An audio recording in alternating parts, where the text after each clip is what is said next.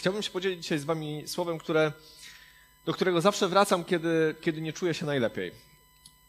Na różnych, na różnych, e, że tak powiem, w różnych stanach, czy, czy fizycznie, czy może troszeczkę duchowo, czy może psychicznie. To jest Księga Jakuba, pierwszy rozdział i drugi werset. Pewnie, pewnie to znacie. Jest napisane tak. Drodzy bracia, i rozszerzę to odważnie, powiem też siostry, za najwyższą radość uważajcie te chwile, gdy jesteście poddawani przeróżnym próbom. Nie wiem, e, jak, jak wy podchodzicie do tego wersetu. On jest dla mnie taki, no powiem szczerze, trudny. Bo tu jest napisane za najwyższą radość. Uważajcie te chwile. Za najwyższą radość. A słowo uważajcie mówi, że to jest akt naszej woli, że to my mamy uważać te chwile za najwyższą wartość. Nie, że one są same w sobie, tylko że my mamy wykazać się taką inicjatywą i te chwile próby uważać za najwyższą radość. I to jest trudne, bo kiedy przychodzimy próby, kiedy, kiedy, kiedy to się dzieje w naszym życiu, kiedy nasze życie jest poddane różnego rodzaju niewygodnym e, sprawom, kiedy nie układa się wszystko tak, jakbyśmy chcieli, to jest ostatnie uczucie, które ja mam w tym momencie, to najwyższa radość. E, może jestem mało duchowy, ale kiedy, kiedy przeżywam trudne rzeczy, to raczej się martwię. To raczej y, myślę w swojej głowie, jakoś próbuję rozwiązać tą sytuację. Szukam jakichś, yy, rozwiązań, żeby z tej trudnej chwili wyjść. Czasami płaczę, czasami no, różne, różne są reakcje, ale przyznam szczerze, rzadko kiedy mam najwyższą radość. Bardzo rzadko. Tylko, że to słowo uważajcie, te chwile za najwyższą radość nie jest. Yy, nie jest takim, taką wskazówką, że jeżeli ja nie czuję najwyższej radości, to źle, bo ja to powinienem czuć. To jest uważajcie, czyli uznajcie te chwile próby, uznajcie te trudne momenty, wy uznajcie świadomie za najwyższą radość. I ten fragment mnie zawsze zastanawia. Chciałbym się dzisiaj z wami podzielić takimi moimi przemyśleniami na ten temat. Ja lubię szukać porównań w takim życiu e, codziennym albo w takim życiu, które nas otacza. E, przez ileś tam lat w swoim życiu e, uprawiałem sport i on raczej to był sport amatorski, czasami lekko ocierający się o coś bardziej takiego poważnego. Z reguły sport amatorski, ale nieważne jaki to sport jest, to w sporcie są pewne zasady, które funkcjonują i Oczywiście każdy sportowiec, e, przynajmniej kiedy zasypia i kiedy śni i sobie wyobraża wspaniałe rzeczy, to wyobraża sobie, że na stadionie pełnym ludzi strzela zwycięską bramkę. Siatkarz, że zdobywa ostatni punkt w konkursie na olimpiadzie. Pewnie ktoś, kto biega, że wygrywa złoty medal na najbliższych igrzyskach. Sportowcy chcą odnosić największe sukcesy na największych arenach, żeby ludzie to widzieli, zaklaskali. Nie chodzi o to, że są próżni, tylko chodzi o to, że celem sportu jest zwycięstwo, jest podniesienie jakiegoś trofeum do góry, jest zdobycie jakiegoś medalu, zdobycie najlepszego rezultatu, nawet niekoniecznie wygrana, ale takie, taka świadomość przed samym sobą, że zrobiłem wszystko najlepiej jak potrafię. I to jest mój rezultat, to jest moja życiówka, to jest coś, co po prostu osiągnąłem, wyszarpałem i to są takie chwile, kiedy w naszych marzeniach, w marzeniach każdego sportowca one się pojawiają. Każdy, kto uprawia sport od mojego dziecka, to zawsze ktoś chce być Messi, ktoś chce być Ronaldo. Zawsze celujemy najwyżej, zawsze chcemy być tymi najlepszymi. Ale w sporcie to jest jakiś cel, do którego dążą sportowcy. Oni chcą to osiągnąć. I myślę, że sportowcy, którzy nie mają takiego celu, nie osiągają sukcesów. Sportowiec, który nie chce być coraz lepszy, który nie chce osiągać coraz lepszych wyników, on po prostu nigdy nie będzie najlepszy. Chyba, że ma jakiś nieprzeciętny, wspaniały talent, że po prostu wszystko mu się e, idealnie udaje, ale z tego co wiem, nie ma takich sportowców. Bo żeby osiągnąć ten cel, żeby to marzenie senne, te wspaniałe marzenie się spełniło, to sportowiec musi trenować. Musi trenować. Jego ciało musi być poddane przeróżnym próbom. Jego ciało musi co chwilę pokonywać kolejne stany zmęczenia, musi się hartować, musi co chwilę osiągać y, lepsze parametry fizyczne. I każdy, kto uprawiał sport, wie, że trening tak naprawdę fizycznie to nic przyjemnego. Bo się pocisz, męczysz, bo nie masz zakwasy następnego dnia, bo jak y, nowe partie mięśni zaczynają pracować, to później boli, to później ciężko się poruszać. Y, I trening sam w sobie jak wykluczymy z tego emocje, jest zmęczeniem, jest czymś trudnym, jest czymś ciężkim, jest pot, są czasami siniaki, są jakieś odciski. Jakbyśmy wycięli yy, z treningu to dziecięce marzenie kiedyś yy, podniesienia wielkiego trofeum, były Mistrzostwa Europy, ta wielka radość tych piłkarzy, którzy są milionerami, nie oszukujmy się, oni jakby, wiecie, oni nie robią tego już dla pieniędzy. Te Mistrzostwa Europy nie były dla pieniędzy, ale jednak jakaś taka dziecięca radość w oczach tych sportowców, że oni coś wygrali, że oni są wyjątkowi. Jeżeli wykluczymy z tego treningu, z tej codzienności, z tego przekraczania swoich granic, to dziecięce marzenie, żeby wygrać, żeby być najlepszym, to trening jest karą. Jest karą. Jeżeli ktoś każe nam trenować, a wcale tego nie lubimy, to jest to dla nas karą. Kiedy musimy się pocić, kiedy musimy się męczyć, to jest to po prostu męczące i nikt z nas tego nie chce, ale kiedy mamy ten większy cel, kiedy wiemy, że ten trening jest po coś, że on czemuś służy, to wtedy ten pot, to zmęczenie, to odciski, e, te zakwasy, to wszystko jest akceptowalne, dlatego że pcha nas do tego coś więcej. I kiedy myślę sobie o tym fragmencie, za najwyższą radość uważajcie te chwile, gdy jesteście poddawani przeróżnym próbom, to wydaje się on być irracjonalny wtedy, kiedy patrzymy na próby, które mamy tu i teraz, jako sedno naszego życia. Kiedy patrzymy na próby, które teraz przeżywamy jako, jako to centralne, centralny punkt naszego życia, że jest właśnie teraz ta próba i nie ma nic więcej, to wtedy ciężko brać sobie to za najwyższą radość, że przeżywam teraz ból, że przeżywam teraz rozterki. Różne są te próby. Od, od jakichś problemów emocjonalnych, od problemów w rodzinie, po problemy zdrowotne, tego jest mnóstwo. Ale kiedy skupiamy się na tej próbie, to rzeczywiście jest to ciężkie. A co później pisze Jakub? Od trzeciego wersetu, trzeci i czwarty. Wiedzcie, że takie doświadczenia waszej wiary kształtuje wytrwałość. Wytrwałość natomiast niech was prowadzi do dzieła doskonałego, abyście byli doskonali, nienaganni i bez jakichkolwiek braków. Jeżeli patrzymy na problemy tu i teraz, ja jestem człowiekiem, który się martwi. Ja mam taki charakter, że ja się martwię. Ja, ja, ja nie mam czegoś takiego, że machnę ręką i pójdę dalej. Siedzę, myślę, trapi mnie to. E, nie potrafię czasami się zdystansować. Czasami dobrze, czasami źle. Ale ogólnie rzecz biorąc, jest to dla mnie trudne. Ale kiedy patrzymy na doświadczenia, które są w naszym życiu, nawet chociażby tak jak na trening, który być może nie jest sam w sobie przyjemny, nie ma w nim nic przyjemnego.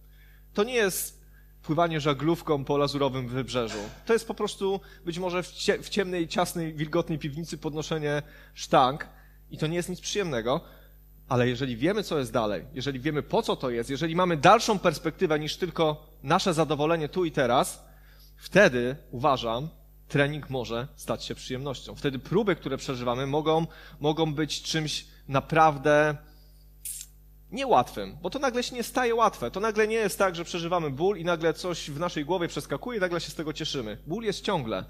Mięśnie bolą dalej, pot ciągle się leje, ale jest jakieś takie wewnętrzna radość i takie przekonanie, że to, co się dzieje teraz, przyniesie efekty w przyszłości, że ja wiem, dokąd biegnę, wiem, co jest celem mojego życia, wiem, co chcę osiągnąć i jeżeli to, co się dzieje teraz, ma mnie do tego doprowadzić, to trudno. To trzeba będzie zacisnąć zęby, to trzeba to przejść, to trzeba to przetrenować, trzeba pójść dalej. Tu jest napisane tak, wiedzcie, że takie doświadczenie waszej wiary kształtuje wytrwałość. Doświadczenie waszej wiary.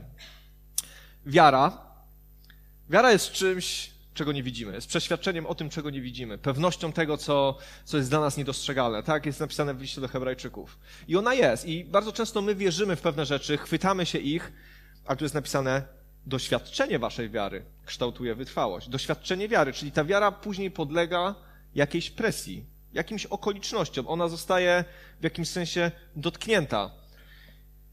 Po co? Po co? kształtuje wytrwałość. I słowo wytrwałość to jest coś, o czym dzisiaj chciałem mówić. Wytrwałość to jest coś mało popularnego. Wytrwałość nie jest widowiskowa. Wytrwałość nie jest czymś takim, o czym możemy powiedzieć, patrząc na człowieka, to mówimy, mmm, jaki charyzmatyczny, albo o, ale utalentowany mówca, albo wow, jak pięknie śpiewa. Ale kiedy patrzymy na kogoś, to nie mówimy, wow, jaki wytrwały. Wytrwałość to nie jest cecha która, taka marketingowa, która się dobrze sprzedaje. To jest coś bardzo często niewidocznego. Bardzo często nie widzimy w człowieku, czy jest wytrwały, czy nie jest wytrwały. Postrzegamy bardzo krótkimi odcinkami. Przecież nie wszyscy się tu znamy doskonale. Jak znamy kogoś dłużej, bliżej, to już potrafimy zweryfikować, czy jest ta wytrwałość w jego życiu, czy nie ma. Ale jak kogoś znamy tylko troszeczkę, to wytrwałości nawet możemy nie dostrzec w jego życiu. Możemy tego nawet nigdy nie, nie zauważyć. A tu jest napisane, że doświadczenie wiary kształtuje wytrwałość. kształtuje wytrwałość. Kiedy jesteśmy poddawani różnym próbom, wiecie, ja się przestałem oszukiwać w moim życiu, że żyjąc z Bogiem nie będę przeżywał różnego rodzaju prób. One są.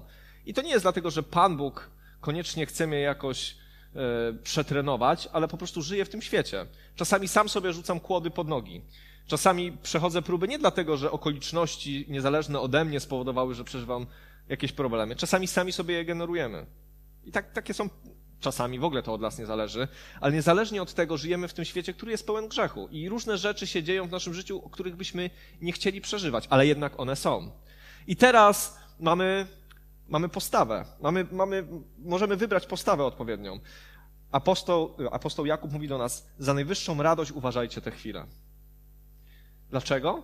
Dlatego, że jeżeli jestem dzieckiem Bożym, jeżeli wiem, że zostałem zbawiony, pomimo swoich niedoskonałości, pomimo swoich braków, pomimo różnych rzeczy, które we mnie są nie takie, jakie ja bym chciała, co dopiero Pan Bóg, ale skoro jestem zbawiony i skoro żyję obietnicą zbawienia, skoro, skoro mam tą obietnicę i tą nadzieję, że idę do nieba, no bo Jezus to przyszedł nam dać, przyszedł nam dać zbawienie, a pojawiają się na tej drodze problemy, to myślę, że powinniśmy być właśnie czasami jak dzieci, żyć tym marzeniem, bo uważam, że że, że, że, to marzenie i to pragnienie spotkania się z Bogiem, dobiegnięcia do mety, bycia w Jego obecności już na zawsze, to powinno być coś, co nam nie znika sprzed oczu. Kiedy, szczególnie kiedy przeżywamy trudne chwile, kiedy jest ciężko, myślę, że, że kiedy stracimy tą perspektywę, to, to, to marzenie, żeby spotkać się z Nim, żeby wznieść ten puchar, mieć już tę, tą koronę na głowie, siedzieć na weselu baranka, mieć to przeświadczenie, że już nic nas nigdy od Boga nie odłączy,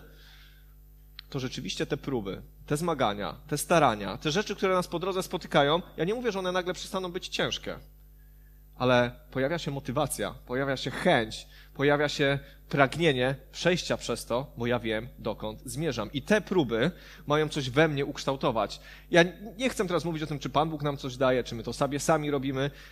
Niezależnie od tego, jakie jest źródło problemów w naszym życiu i różnym, różnych prób, to jedno jest pewne, że Pan Bóg chce, żebyśmy byli coraz bardziej ukształtowani, żeby nasza wytrwałość wzrastała, żeby doświadczenie naszej wiary, doświadczenie wiary, nie wiara intelektualna, nie wiara, której tylko mówimy, że ona jest i że wierzę, ale doświadczenie wiary. Bo kiedy pojawiają się problemy, to nagle się pojawia doświadczenie wiary. Nagle wiara staje się czymś, co musi być praktyczne, że same słowa już nie wystarczą.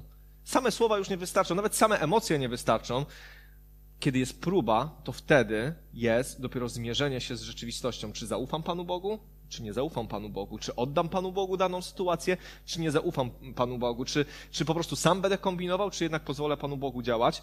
I to są. I to jest praktyczna strona chrześcijaństwa. Praktyczna strona chrześcijaństwa. Mówię o tym dlatego, że nie ukrywam, od kilku tygodni w mojej głowie toczy się taka, taka, taka nieustanna nie jakaś wielka bitwa, ale jednak moje myśli cały czas krążą wokół mojego zdrowia i jak to będzie, co się dzieje. I powiem szczerze, że dla mnie, dla mnie to jest bitwa to nie jest tak, że ja może jakoś siedzę w kącie i płaczę i ja przeżywam jakieś wielkie dramaty, ale z drugiej strony wiem, jak bardzo te myśli często wracają do mojej głowy, jak bardzo często zatruwają moje myśli. Zamiast skupić się na czymś naprawdę ważnym, a tą sprawę, która i tak ode mnie nie zależy, oddać Bogu, to cały czas po prostu one przychodzą do mojej głowy, cały czas to mi gdzieś krąży, cały czas zadaję sobie Panu Bogu pytania, jakieś projekcje przyszłości, które nie są fajne i jak ja spojrzę na tą sytuację? Czy tą próbę w moim życiu poczytam sobie za najwyższą radość. Dlaczego za najwyższą Dlatego, że cierpię, mam sobie ją poczytać za najwyższą radość? Nie. Dlatego za najwyższą radość, że wierzę, że Pan Bóg obróci to ku dobremu, że z tego wszystkiego wyjdzie coś dobrego, że z tego wyjdę przemieniony, zmieniony, bliżej Niego. Ja nie wiem, jak On to rozwiąże, bo to już nie jest moja, to już nie jest moja sprawa. Ja nie, nie mam takiej mocy, nie mam takiej władzy, to ma Pan Bóg, ale czy dam się ukształtować? Czy ta wytrwałość pojawi się w moim życiu? Tu jest później napisane tak. Wytrwałość natomiast niech was prowadzi do dzieła doskonałego, abyście byli doskonali, nienagani, bez jakichkolwiek braków. Wytrwałość niech was prowadzi do dzieła doskonałego. Często żyjemy w świecie instant, e, szybkich płatności, e, kurierów. Zamawiasz dzisiaj coś i zaraz na następny dzień z Rzeszowa przychodzi do ciebie paczka. E, wszystko jest szybko, szybciutko. Przelewy w mgnieniu oka, bliki, nie bliki wszystko dzieje się błyskawicznie. I to, to jest fajne. Ja to lubię. Cieszę się, że ta technologia w tych dziedzinach tak się rozwija. To jest wygodne. Korzystam. Ale z drugiej strony Pan Bóg bardzo często i bardzo Jezus często używa takich porównań, które ewidentnie wymagają cierpliwości i wytrwałości. Jezus bardzo często używa obrazów rolniczych. Obrazów, gdzie wychodzi siewca i sieje, gdzie rośnie pszenica i rośnie kąkol, gdzie, e, gdzie ktoś zasadził winnicę, która przynosi owoce do krzewu, krzewu winorośli. I nie jestem rolnikiem, nie znam się na tym prawie w ogóle, ale obserwuję przyrodę, nie mam jej za dużo w domu, ale obserwuję jak to działa. To się nie dzieje nagle. To wszystko wymaga czasu, wymaga wytrwałości. Jak, jak, nie wiem, przygotowując się do różnego rodzaju kazań, czytałem dużo o rolnictwie, go nie doświadczałem, ale czytałem o nim. No to rolnik musi być e, wytrwały, musi być cierpliwy. To nie wyrośnie od razu. To nie jest tak, że jak on wszystko dobrze przygotowuje, to sadzi i następnego ranu, ranka się budzi, patrzy, no to dobrze, no to żniwa. Nie, to tak nie działa, to po prostu trzeba poczekać. Czasami trzeba jeszcze coś zrobić, kiedy to ziarenko jest malutkie, kiedy go nie widać. Wytrwałość. Wytrwałość. Wytrwałość w chodzeniu za Bogiem. Wytrwałość w przestrzeganiu Bożego prawa. Wytrwałość w tym, żeby szukać Jego oblicza. Wytrwałość w tym, żeby w nim trwać. To często jest nie, niewidowiskowe. Ale kiedy pojawia się owoc? Wtedy, kiedy jesteśmy wytrwali, wtedy, kiedy jesteśmy w czymś ugruntowani, wtedy, kiedy nie jesteśmy jak, e, jak jakiś listek na wietrze, gdzie zdmuchnie, tam polecimy, wtedy, kiedy jesteśmy osadzeni, kiedy jesteśmy zagłębieni w fundamentach i kiedy potrafimy być wytrwali. A kiedy wytrwałość się objawia? Wytrwałość wcale nie jest potrzebna wtedy, kiedy wszystko jest dobrze, bo kiedy jest dobrze, to nie musimy być wytrwali. To wtedy się cieszymy, jest radość, wszystko płynie, jest zabawa, jest świetnie. Nie trzeba mieć wtedy żadnej wytrwałości. Wytrwałość pojawia się wtedy, kiedy jest opór. Kiedy sprawy nie układają się tak, jakbyśmy się chcieli, to wtedy pojawia się pojęcie wytrwałości. Wytrwałość jest wtedy, kiedy jesteśmy w miejscu, które nam się nie podoba, ale ono jednak jest. A my albo w nim będziemy, albo z niego wyjdziemy, bo jeżeli chcemy być, chcemy przejść ten etap, to musimy być wytrwali, aż to się skończy, aż to Pan Bóg rozwiąże. I wydaje mi się, że zdarza nam się bardzo często bardzo dużo chcieć od Pana Boga. Wyciągać swoje ręce po różne rzeczy do Pana Boga, po pewne błogosławieństwa, chcielibyśmy bardzo służyć, zacząć robić różne rzeczy i one się zaczynają dziać. Ale nauczony doświadczeniem wiem, że kiedy coś się zaczyna dziać, to zaczynają się też pojawiać różnego rodzaju, y, może nie powiem problemy, ale różnego rodzaju sytuacje, które nie są korzystne. Jakieś przeszkody do ominięcia, jakieś rzeczy, które powodują, że, że to nie jest takie komfortowe, jak sobie wyobrażaliśmy. I trzeba się zderzyć z jakimiś, z jakimiś rzeczami niewygodnymi dla nas. I mam wrażenie, że bardzo często wtedy mówimy, nie, miało być łatwo, lekko i przyjemnie, a jest, jest ciężko. Jakby nie układa się wszystko idealnie. No teraz potrzebna jest wytrwałość. Teraz właśnie w tej sytuacji potrzebna jest wytrwałość, żeby wytrwać przy Bogu, że, że ta wiara, którą mieliśmy, ten entuzjazm, który mieliśmy, kiedy wszystko się układało, nagle zostaje poddana próbie. I nagle, nagle Pan Bóg mówi, no i zobaczymy. Ja jestem z Tobą cały czas. Wiecie, kontekst jest taki, że Pan Bóg cały czas jest z nami. Tak jak siostra Jadzia powiedziała, Pan Bóg nas kocha, jest przy nas cały czas, nigdy nie traci kontroli nad naszym życiem. Ja w to głęboko wierzę, że jest miłością, że jest miłością i że nie chce nam nigdy zrobić krzywdy. Ale kiedy przechodzimy przez różne problemy, chcemy go doświadczyć, to tu jest napisane, że ta wytrwałość jest bardzo, bardzo potrzebna. Ona prowadzi do dzieła doskonałego. Człowiek wytrwały może być doskonały, abyśmy byli doskonali, nienaganni, bez jakichkolwiek braków. Potrzebujemy wytrwałości. W liście do Rzymian, 12 rozdział, 11 i 12 werset jest napisane tak. Zapale bądźcie niestrudzeni, duchem płomienni, w Panu gotowi do służby, w nadziei bądźcie radośni, w ucisku wytrwali, w modlitwie oddani. Znowu jest połączenie próby, ucisku i wytrwałości. To wskazuje na to, że, że to coś, ten trudny moment jest rozłożony w czasie. On może być bardzo krótki, może być troszeczkę dłuższy, ale jest to jakiś etap czasu, bo tu, jeżeli mamy być w czymś wytrwali, to to musi trwać. To to musi trwać. To, to jakiś czas jest, na jakiś czas jest rozłożone, ale znowu jest napisane wytrwali. Nie uciekajcie stamtąd, nie, nie, nie opuszczajcie tej łodzi. Kiedy się zaczyna coś dziać takiego, co jakby kłóci się z naszymi wyobrażeniami, to Pan Bóg nas zachęca, bądźcie wytrwali. Uchwyćcie się teraz mojego słowa, uchwyćcie się słowa wiary i trwajcie w tym. Ja wierzę, że ludzie, którzy są wytrwali, oglądają Boże dzieła. Wierzę, że ludzie, którzy, którzy nie panikują, którzy właśnie są wytrwali, którzy czekają na Boże działanie, oglądają Boże rzeczy. Którzy, którzy nie uciekają przy pierwszej niesprzyjającej okoliczności. Wiecie, ja uwielbiam to i kiedy, kiedy już tutaj troszeczkę służę w kościele, widzę, że niesamowicie ważne jest to, żeby być wytrwałym, że, żeby, żeby robić coś konsekwentnie, żeby, żeby coś trwało, żeby to nie było jednorazowym e, strzałem. Wiecie, ja niesamowicie sobie cenię te modlitwy poniedziałkowe, bo one są wytrwałe. Bo one są wytrwałe. I ja widzę, że Pan Bóg coraz bardziej się do tego przyznaje, bo one są wytrwałe, bo one są ciągle, bo my tam jesteśmy, przychodzimy tam z wiarą, że Pan Bóg nas wysłuchuje. Niesamowicie buduje mnie kościół uliczny, bo jest wytrwały.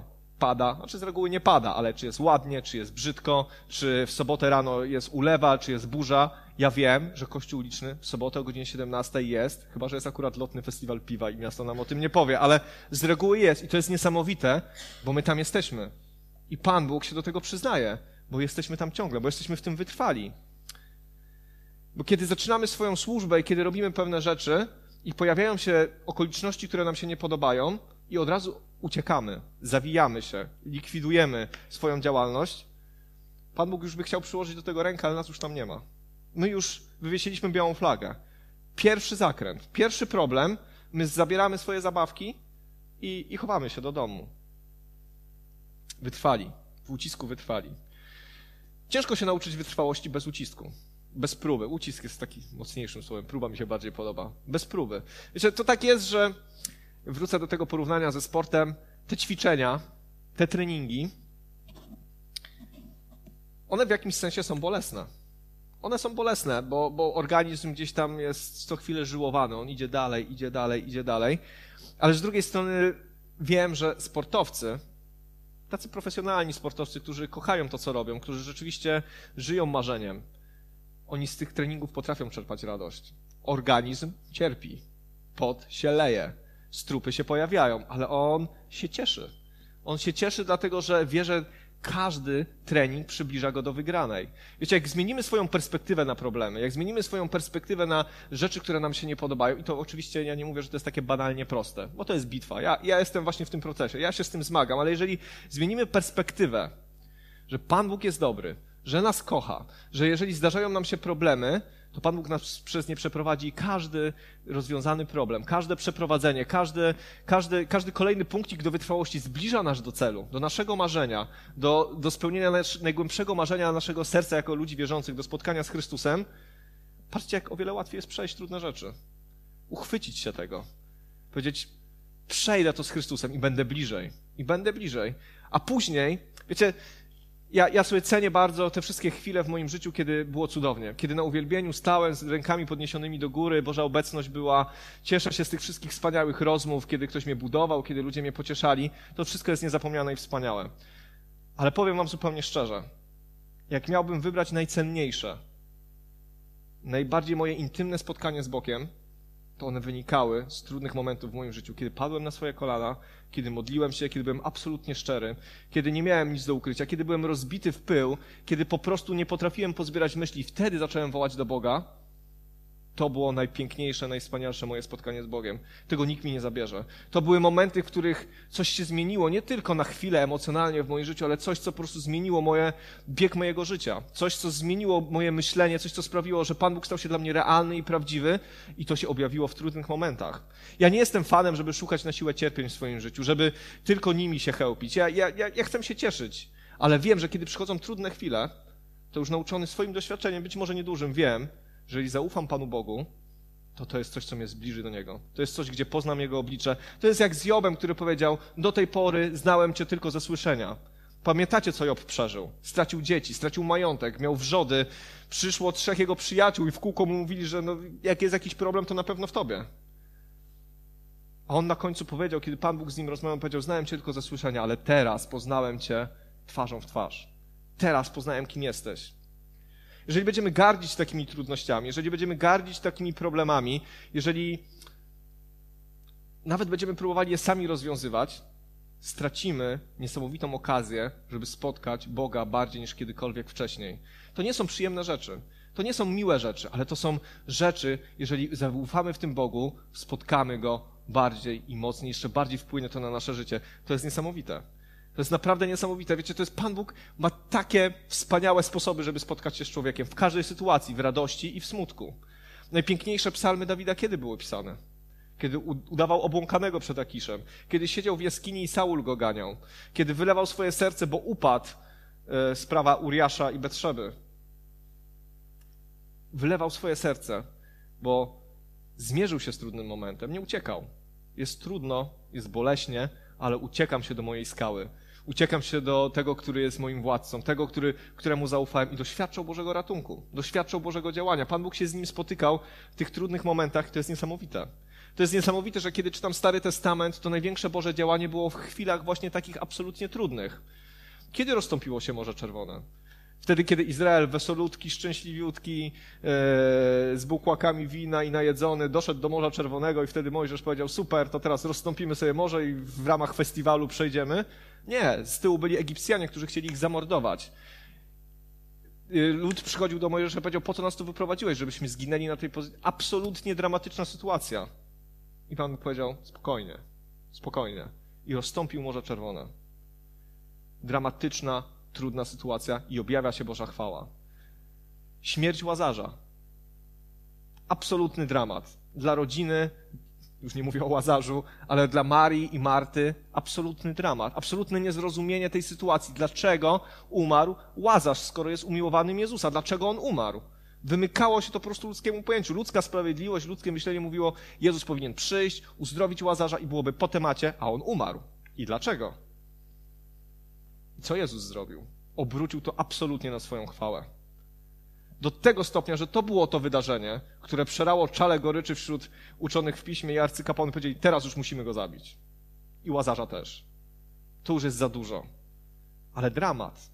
To jest niesamowite, kiedy czytamy te wszystkie rzeczy, kiedy Pan Bóg mówi, że, że On potrafi wzbudzić do życia coś, co nie żyje. Kiedy, kiedy Bóg ma moc obrócić sytuację w sposób absolutnie nielogiczny dla człowieka.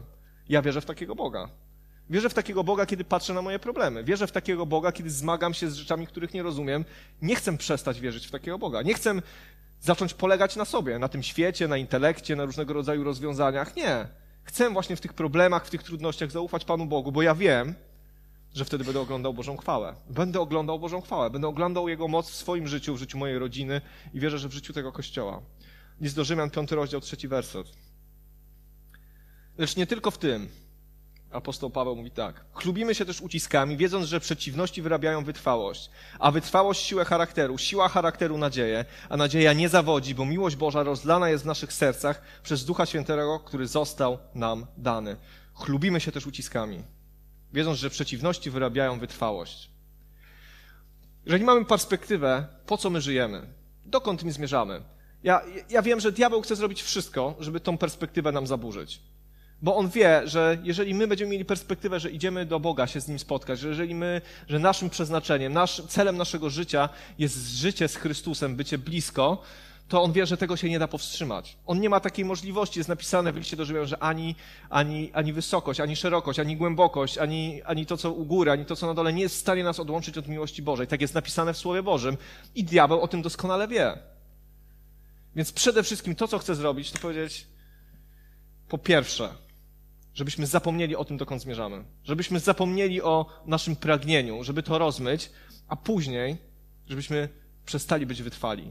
Żebyśmy się poddawali na każdym kroku, żebyśmy nie podejmowali wyzwania, żebyśmy powiedzieli, Panie Boże, modliłem się, nie mam dobra, trudno, żyję dalej. Widocznie nie muszę tego mieć. Żebyśmy przestali walczyć, żebyśmy po prostu byli ludźmi, którzy są wierzący teoretycznie, że kiedy przychodzi próba, kiedy przychodzi doświadczenie, kiedy przychodzi doświadczenie naszej wiary, to my się wycofujemy i się w ogóle nie zmagamy. I w ogóle nie chcemy być wytrwali. I wtedy w naszej wyobraźni buduje się taki obraz Pana Boga, który dużo mówi, mało robi. Nikt z nas tego oczywiście nie powie, ale mieliście tak w swoim życiu? Że tyle wzniosłych rzeczy, tyle cudownych prawd, tyle objawień w Słowie Bożym, no ale jakoś tak nie ma tego w moim życiu. Bardzo często tego nie ma, dlatego że kiedy pojawiają się okoliczności i problemy, wycofujemy się a zawsze będą się pojawiać okoliczności i problemy w miejscach, w które wchodzimy, żeby czynić Bożą chwałę. Zawsze będzie opór, zawsze będzie jakieś, zawsze będzie jakieś napięcie. Ciekawe, ilu, ilu mężów i kobiet bożych wycofało się, kiedy Pan Bóg włożył służbę, pragnienie, namaszczenie w ich życie, ale wycofali się, bo było trudno. Wycofali się, bo ich wyobrażenia były inne. Cofnęli się, nie weszli w Boże powołanie, nie chcieli przejść przez próbę. Nie chcieli być doświadczani przez wiarę. Kiedy wiara była teoretyczna, wszystko było dobrze. Kiedy wiara musiała być praktyczna, nastąpił odwrót od Bożych prawd. Ale apostoł Paweł mówi, ja się chlubię uciskami, wiedząc, że przeciwności wyrabiają wytrwałość. On wiedział, że żyjąc z Bogiem, kiedy przeżywa uciski, a kto jak kto, ale Paweł to coś o uciskach wiedział. To nie był człowiek, który mówił teoretycznie o uciskach. On w którymś liście wymienia, co tam się z nim działo. Dwa razy rozbiła się z nim łódź, raz był ukamienowany, ileś tam razy dostał 40 bez jednego uderzeń i tak dalej, i tak dalej. Ile on lat spędził w więzieniu? Mnóstwo. On wiedział, co to znaczy ucisk, ale miał właściwą perspektywę w swoim życiu. Wiedział, że używając tej terminologii sportowej, wiedział, że jego przeznaczeniem jest podnieść do góry puchar że jego przeznaczeniem jest zdobyć medal, że jego przeznaczeniem jest wygrać, a teraz to wszystko, co się dzieje, jest próbą, jest treningiem i on do tego dobiegnie i wiedział, że to wszystko wyrabia w nim wytrwałość. A wytrwałość siłę charakteru. Siłę charakteru. Siła charakteru to jest coś więcej niż emocje. To jest pewność, że jesteśmy w stanie zrobić pewne rzeczy. Ukształtowane są w nas pewne cechy. I to nie jest przypadek, że one są. Bo jeżeli unikamy prób, uciekamy od prób, nie chcemy przejść przez Bogiem, przez to trudne rzeczy, gdzie Pan Bóg do nas mówi, kiedy poznajemy Jego głos, kiedy musimy Mu zaufać, kiedy musimy nauczyć się może przyjmować Boże Słowo do swojego życia, kiedy unikamy tego wszystkiego, to mamy jakiś chwiejny charakter. To, to nie, nie mamy wyrobionych pewnych rzeczy w sobie i później bardzo łatwo takiego chrześcijanina zdmuchnąć, zgasić, zniechęcić, a tu jest napisane, że siła charakteru przynosi nadzieję, a nadzieja nie zawodzi, bo miłość Boża rozlana jest w naszych sercach przez Ducha Świętego, który został nam dany. Ja wierzę, że zbawienie mamy z łaski za darmo. Wierzę, że zostaliśmy zbawieni przez Pana Boga, ale to jest moment, w którym oddajemy Bogu swoje życie z początkiem naszej podróży. Jest zapisaniem się do wyścigu. Mamy obiecaną nagrodę. Mamy pewność tego, dokąd zmierzamy. Mamy przeświadczenie o tym, jaka jest, co zostało nam dane, ale przed nami jest bieg. Ciągle jest bieg i apostoł Paweł o tym mówił. My biegniemy. To nie jest sprint. To nie jest szybkie 50 metrów po nawróceniu. To jest długi bieg. Nie wiemy, jak długo będziemy biegli. Każdy z nas ma jakiś inny czas życia wyznaczony. Nie wiemy, kiedy Chrystus przyjdzie, ale biegniemy. I na tej drodze będą nas spotykać różne rzeczy. Ostatnio rozmawiałem z Mariuszem. Mariusz biegał w maratonach e, i byłem ciekawy i, i potwierdził to, że jak ktoś biegnie albo biega długie dystanse, to przychodzi zawsze moment kryzysu. Na w zależności od organizmu, na jakimś tam etapie przychodzi moment kryzysowy, że organizm mówi, Mariusz, jak coś przekręca, to mnie, to mnie popraw, że organizm mówi koniec. Już się, już się nie da. Już, już, już, już kończymy to, bo, bo się nie da. Ale z tego, co mówił, to trzeba ten moment przecierpieć. Trzeba to przejść. Trzeba znaleźć sposób, żeby, żeby, żeby o tym zapomnieć i można dokończyć ten bieg. I można dokończyć ten bieg, ale ten moment jest prawie zawsze. Zawsze jest kryzys. Kiedy uprawiamy sporty, kiedy, kiedy gramy w cokolwiek, w pewnym momencie nasz organizm mówi koniec. Już nie jesteś w stanie tego zrobić. Już mięśnie nie pracują, już mózg nie pracuje, ale wola walki, wola zwycięstwa, różne mamy motywacje spowoduje, że jesteśmy w stanie to zrobić. Myślę, że nie inaczej jest w naszym życiu z Bogiem. Myślę, że trzeba przestać się oszukiwać. Problemy będą. Tylko życie chrześcijanina nie polega na tym, że nie ma problemów, tylko na tym, że Pan Bóg nas przez te problemy przeprowadza. Że On daje nam łaskę przez to przejść, że On udostępnia się nam, żebyśmy dali radę.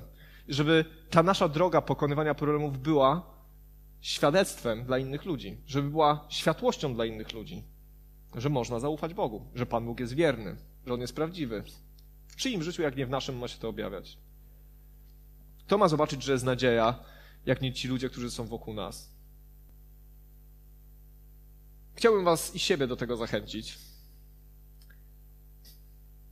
żebyśmy stanęli do tego treningu, żebyśmy nie byli uparci. Pan Bóg ma dla nas dobre rzeczy. Tak, jak, jak ciocia Jadzia powiedziała, Pan Bóg nie daje nam więcej niż potrafimy znieść. On tak nam ten trening dopasuje, tak nam rozpisze obciążenia, tak nam rozpisze kalorie, które spalimy, że nasze zdrowie nie ulegnie duchowe uszczerbku, ale musimy mu zaufać. Musimy mu zaufać, że on ma władzę nad naszym życiem, że on ma moc nas przeprowadzić przez różne rzeczy. Ja już teraz, ja wiem, że można teraz wnikać, skąd się te problemy biorą. Czasami rzeczywiście są to nasze błędy, ale ja wierzę w to, że że jeżeli chcemy oglądać Bożą chwałę, jeżeli chcemy oglądać Bożą chwałę, to musimy zaufać Panu Bogu właśnie w problemach, właśnie w, w, trudnych rzeczach. Po prostu uchwycić się Go, że On nas przez to przeprowadzi. Ja widzę bardzo często w swoim życiu deficyty mądrości, odwagi, różnych innych rzeczy. I, i powiem Wam, że kiedyś miałem pretensje do samego siebie. Muszę więcej książek przeczytać, muszę to, muszę tamto. Ale prawda jest taka, że absolutnie są rzeczy w naszym życiu, które nas będą przerastać. Chwała Bogu. Bo przecież życie chrześcijanina nie polega na życiu o własnych siłach, tylko na tym, żeby Boża moc się objawiała w naszym życiu. On wypełnia nasze braki, nasze niedostatki. On równa nas do standardu Słowa Bożego.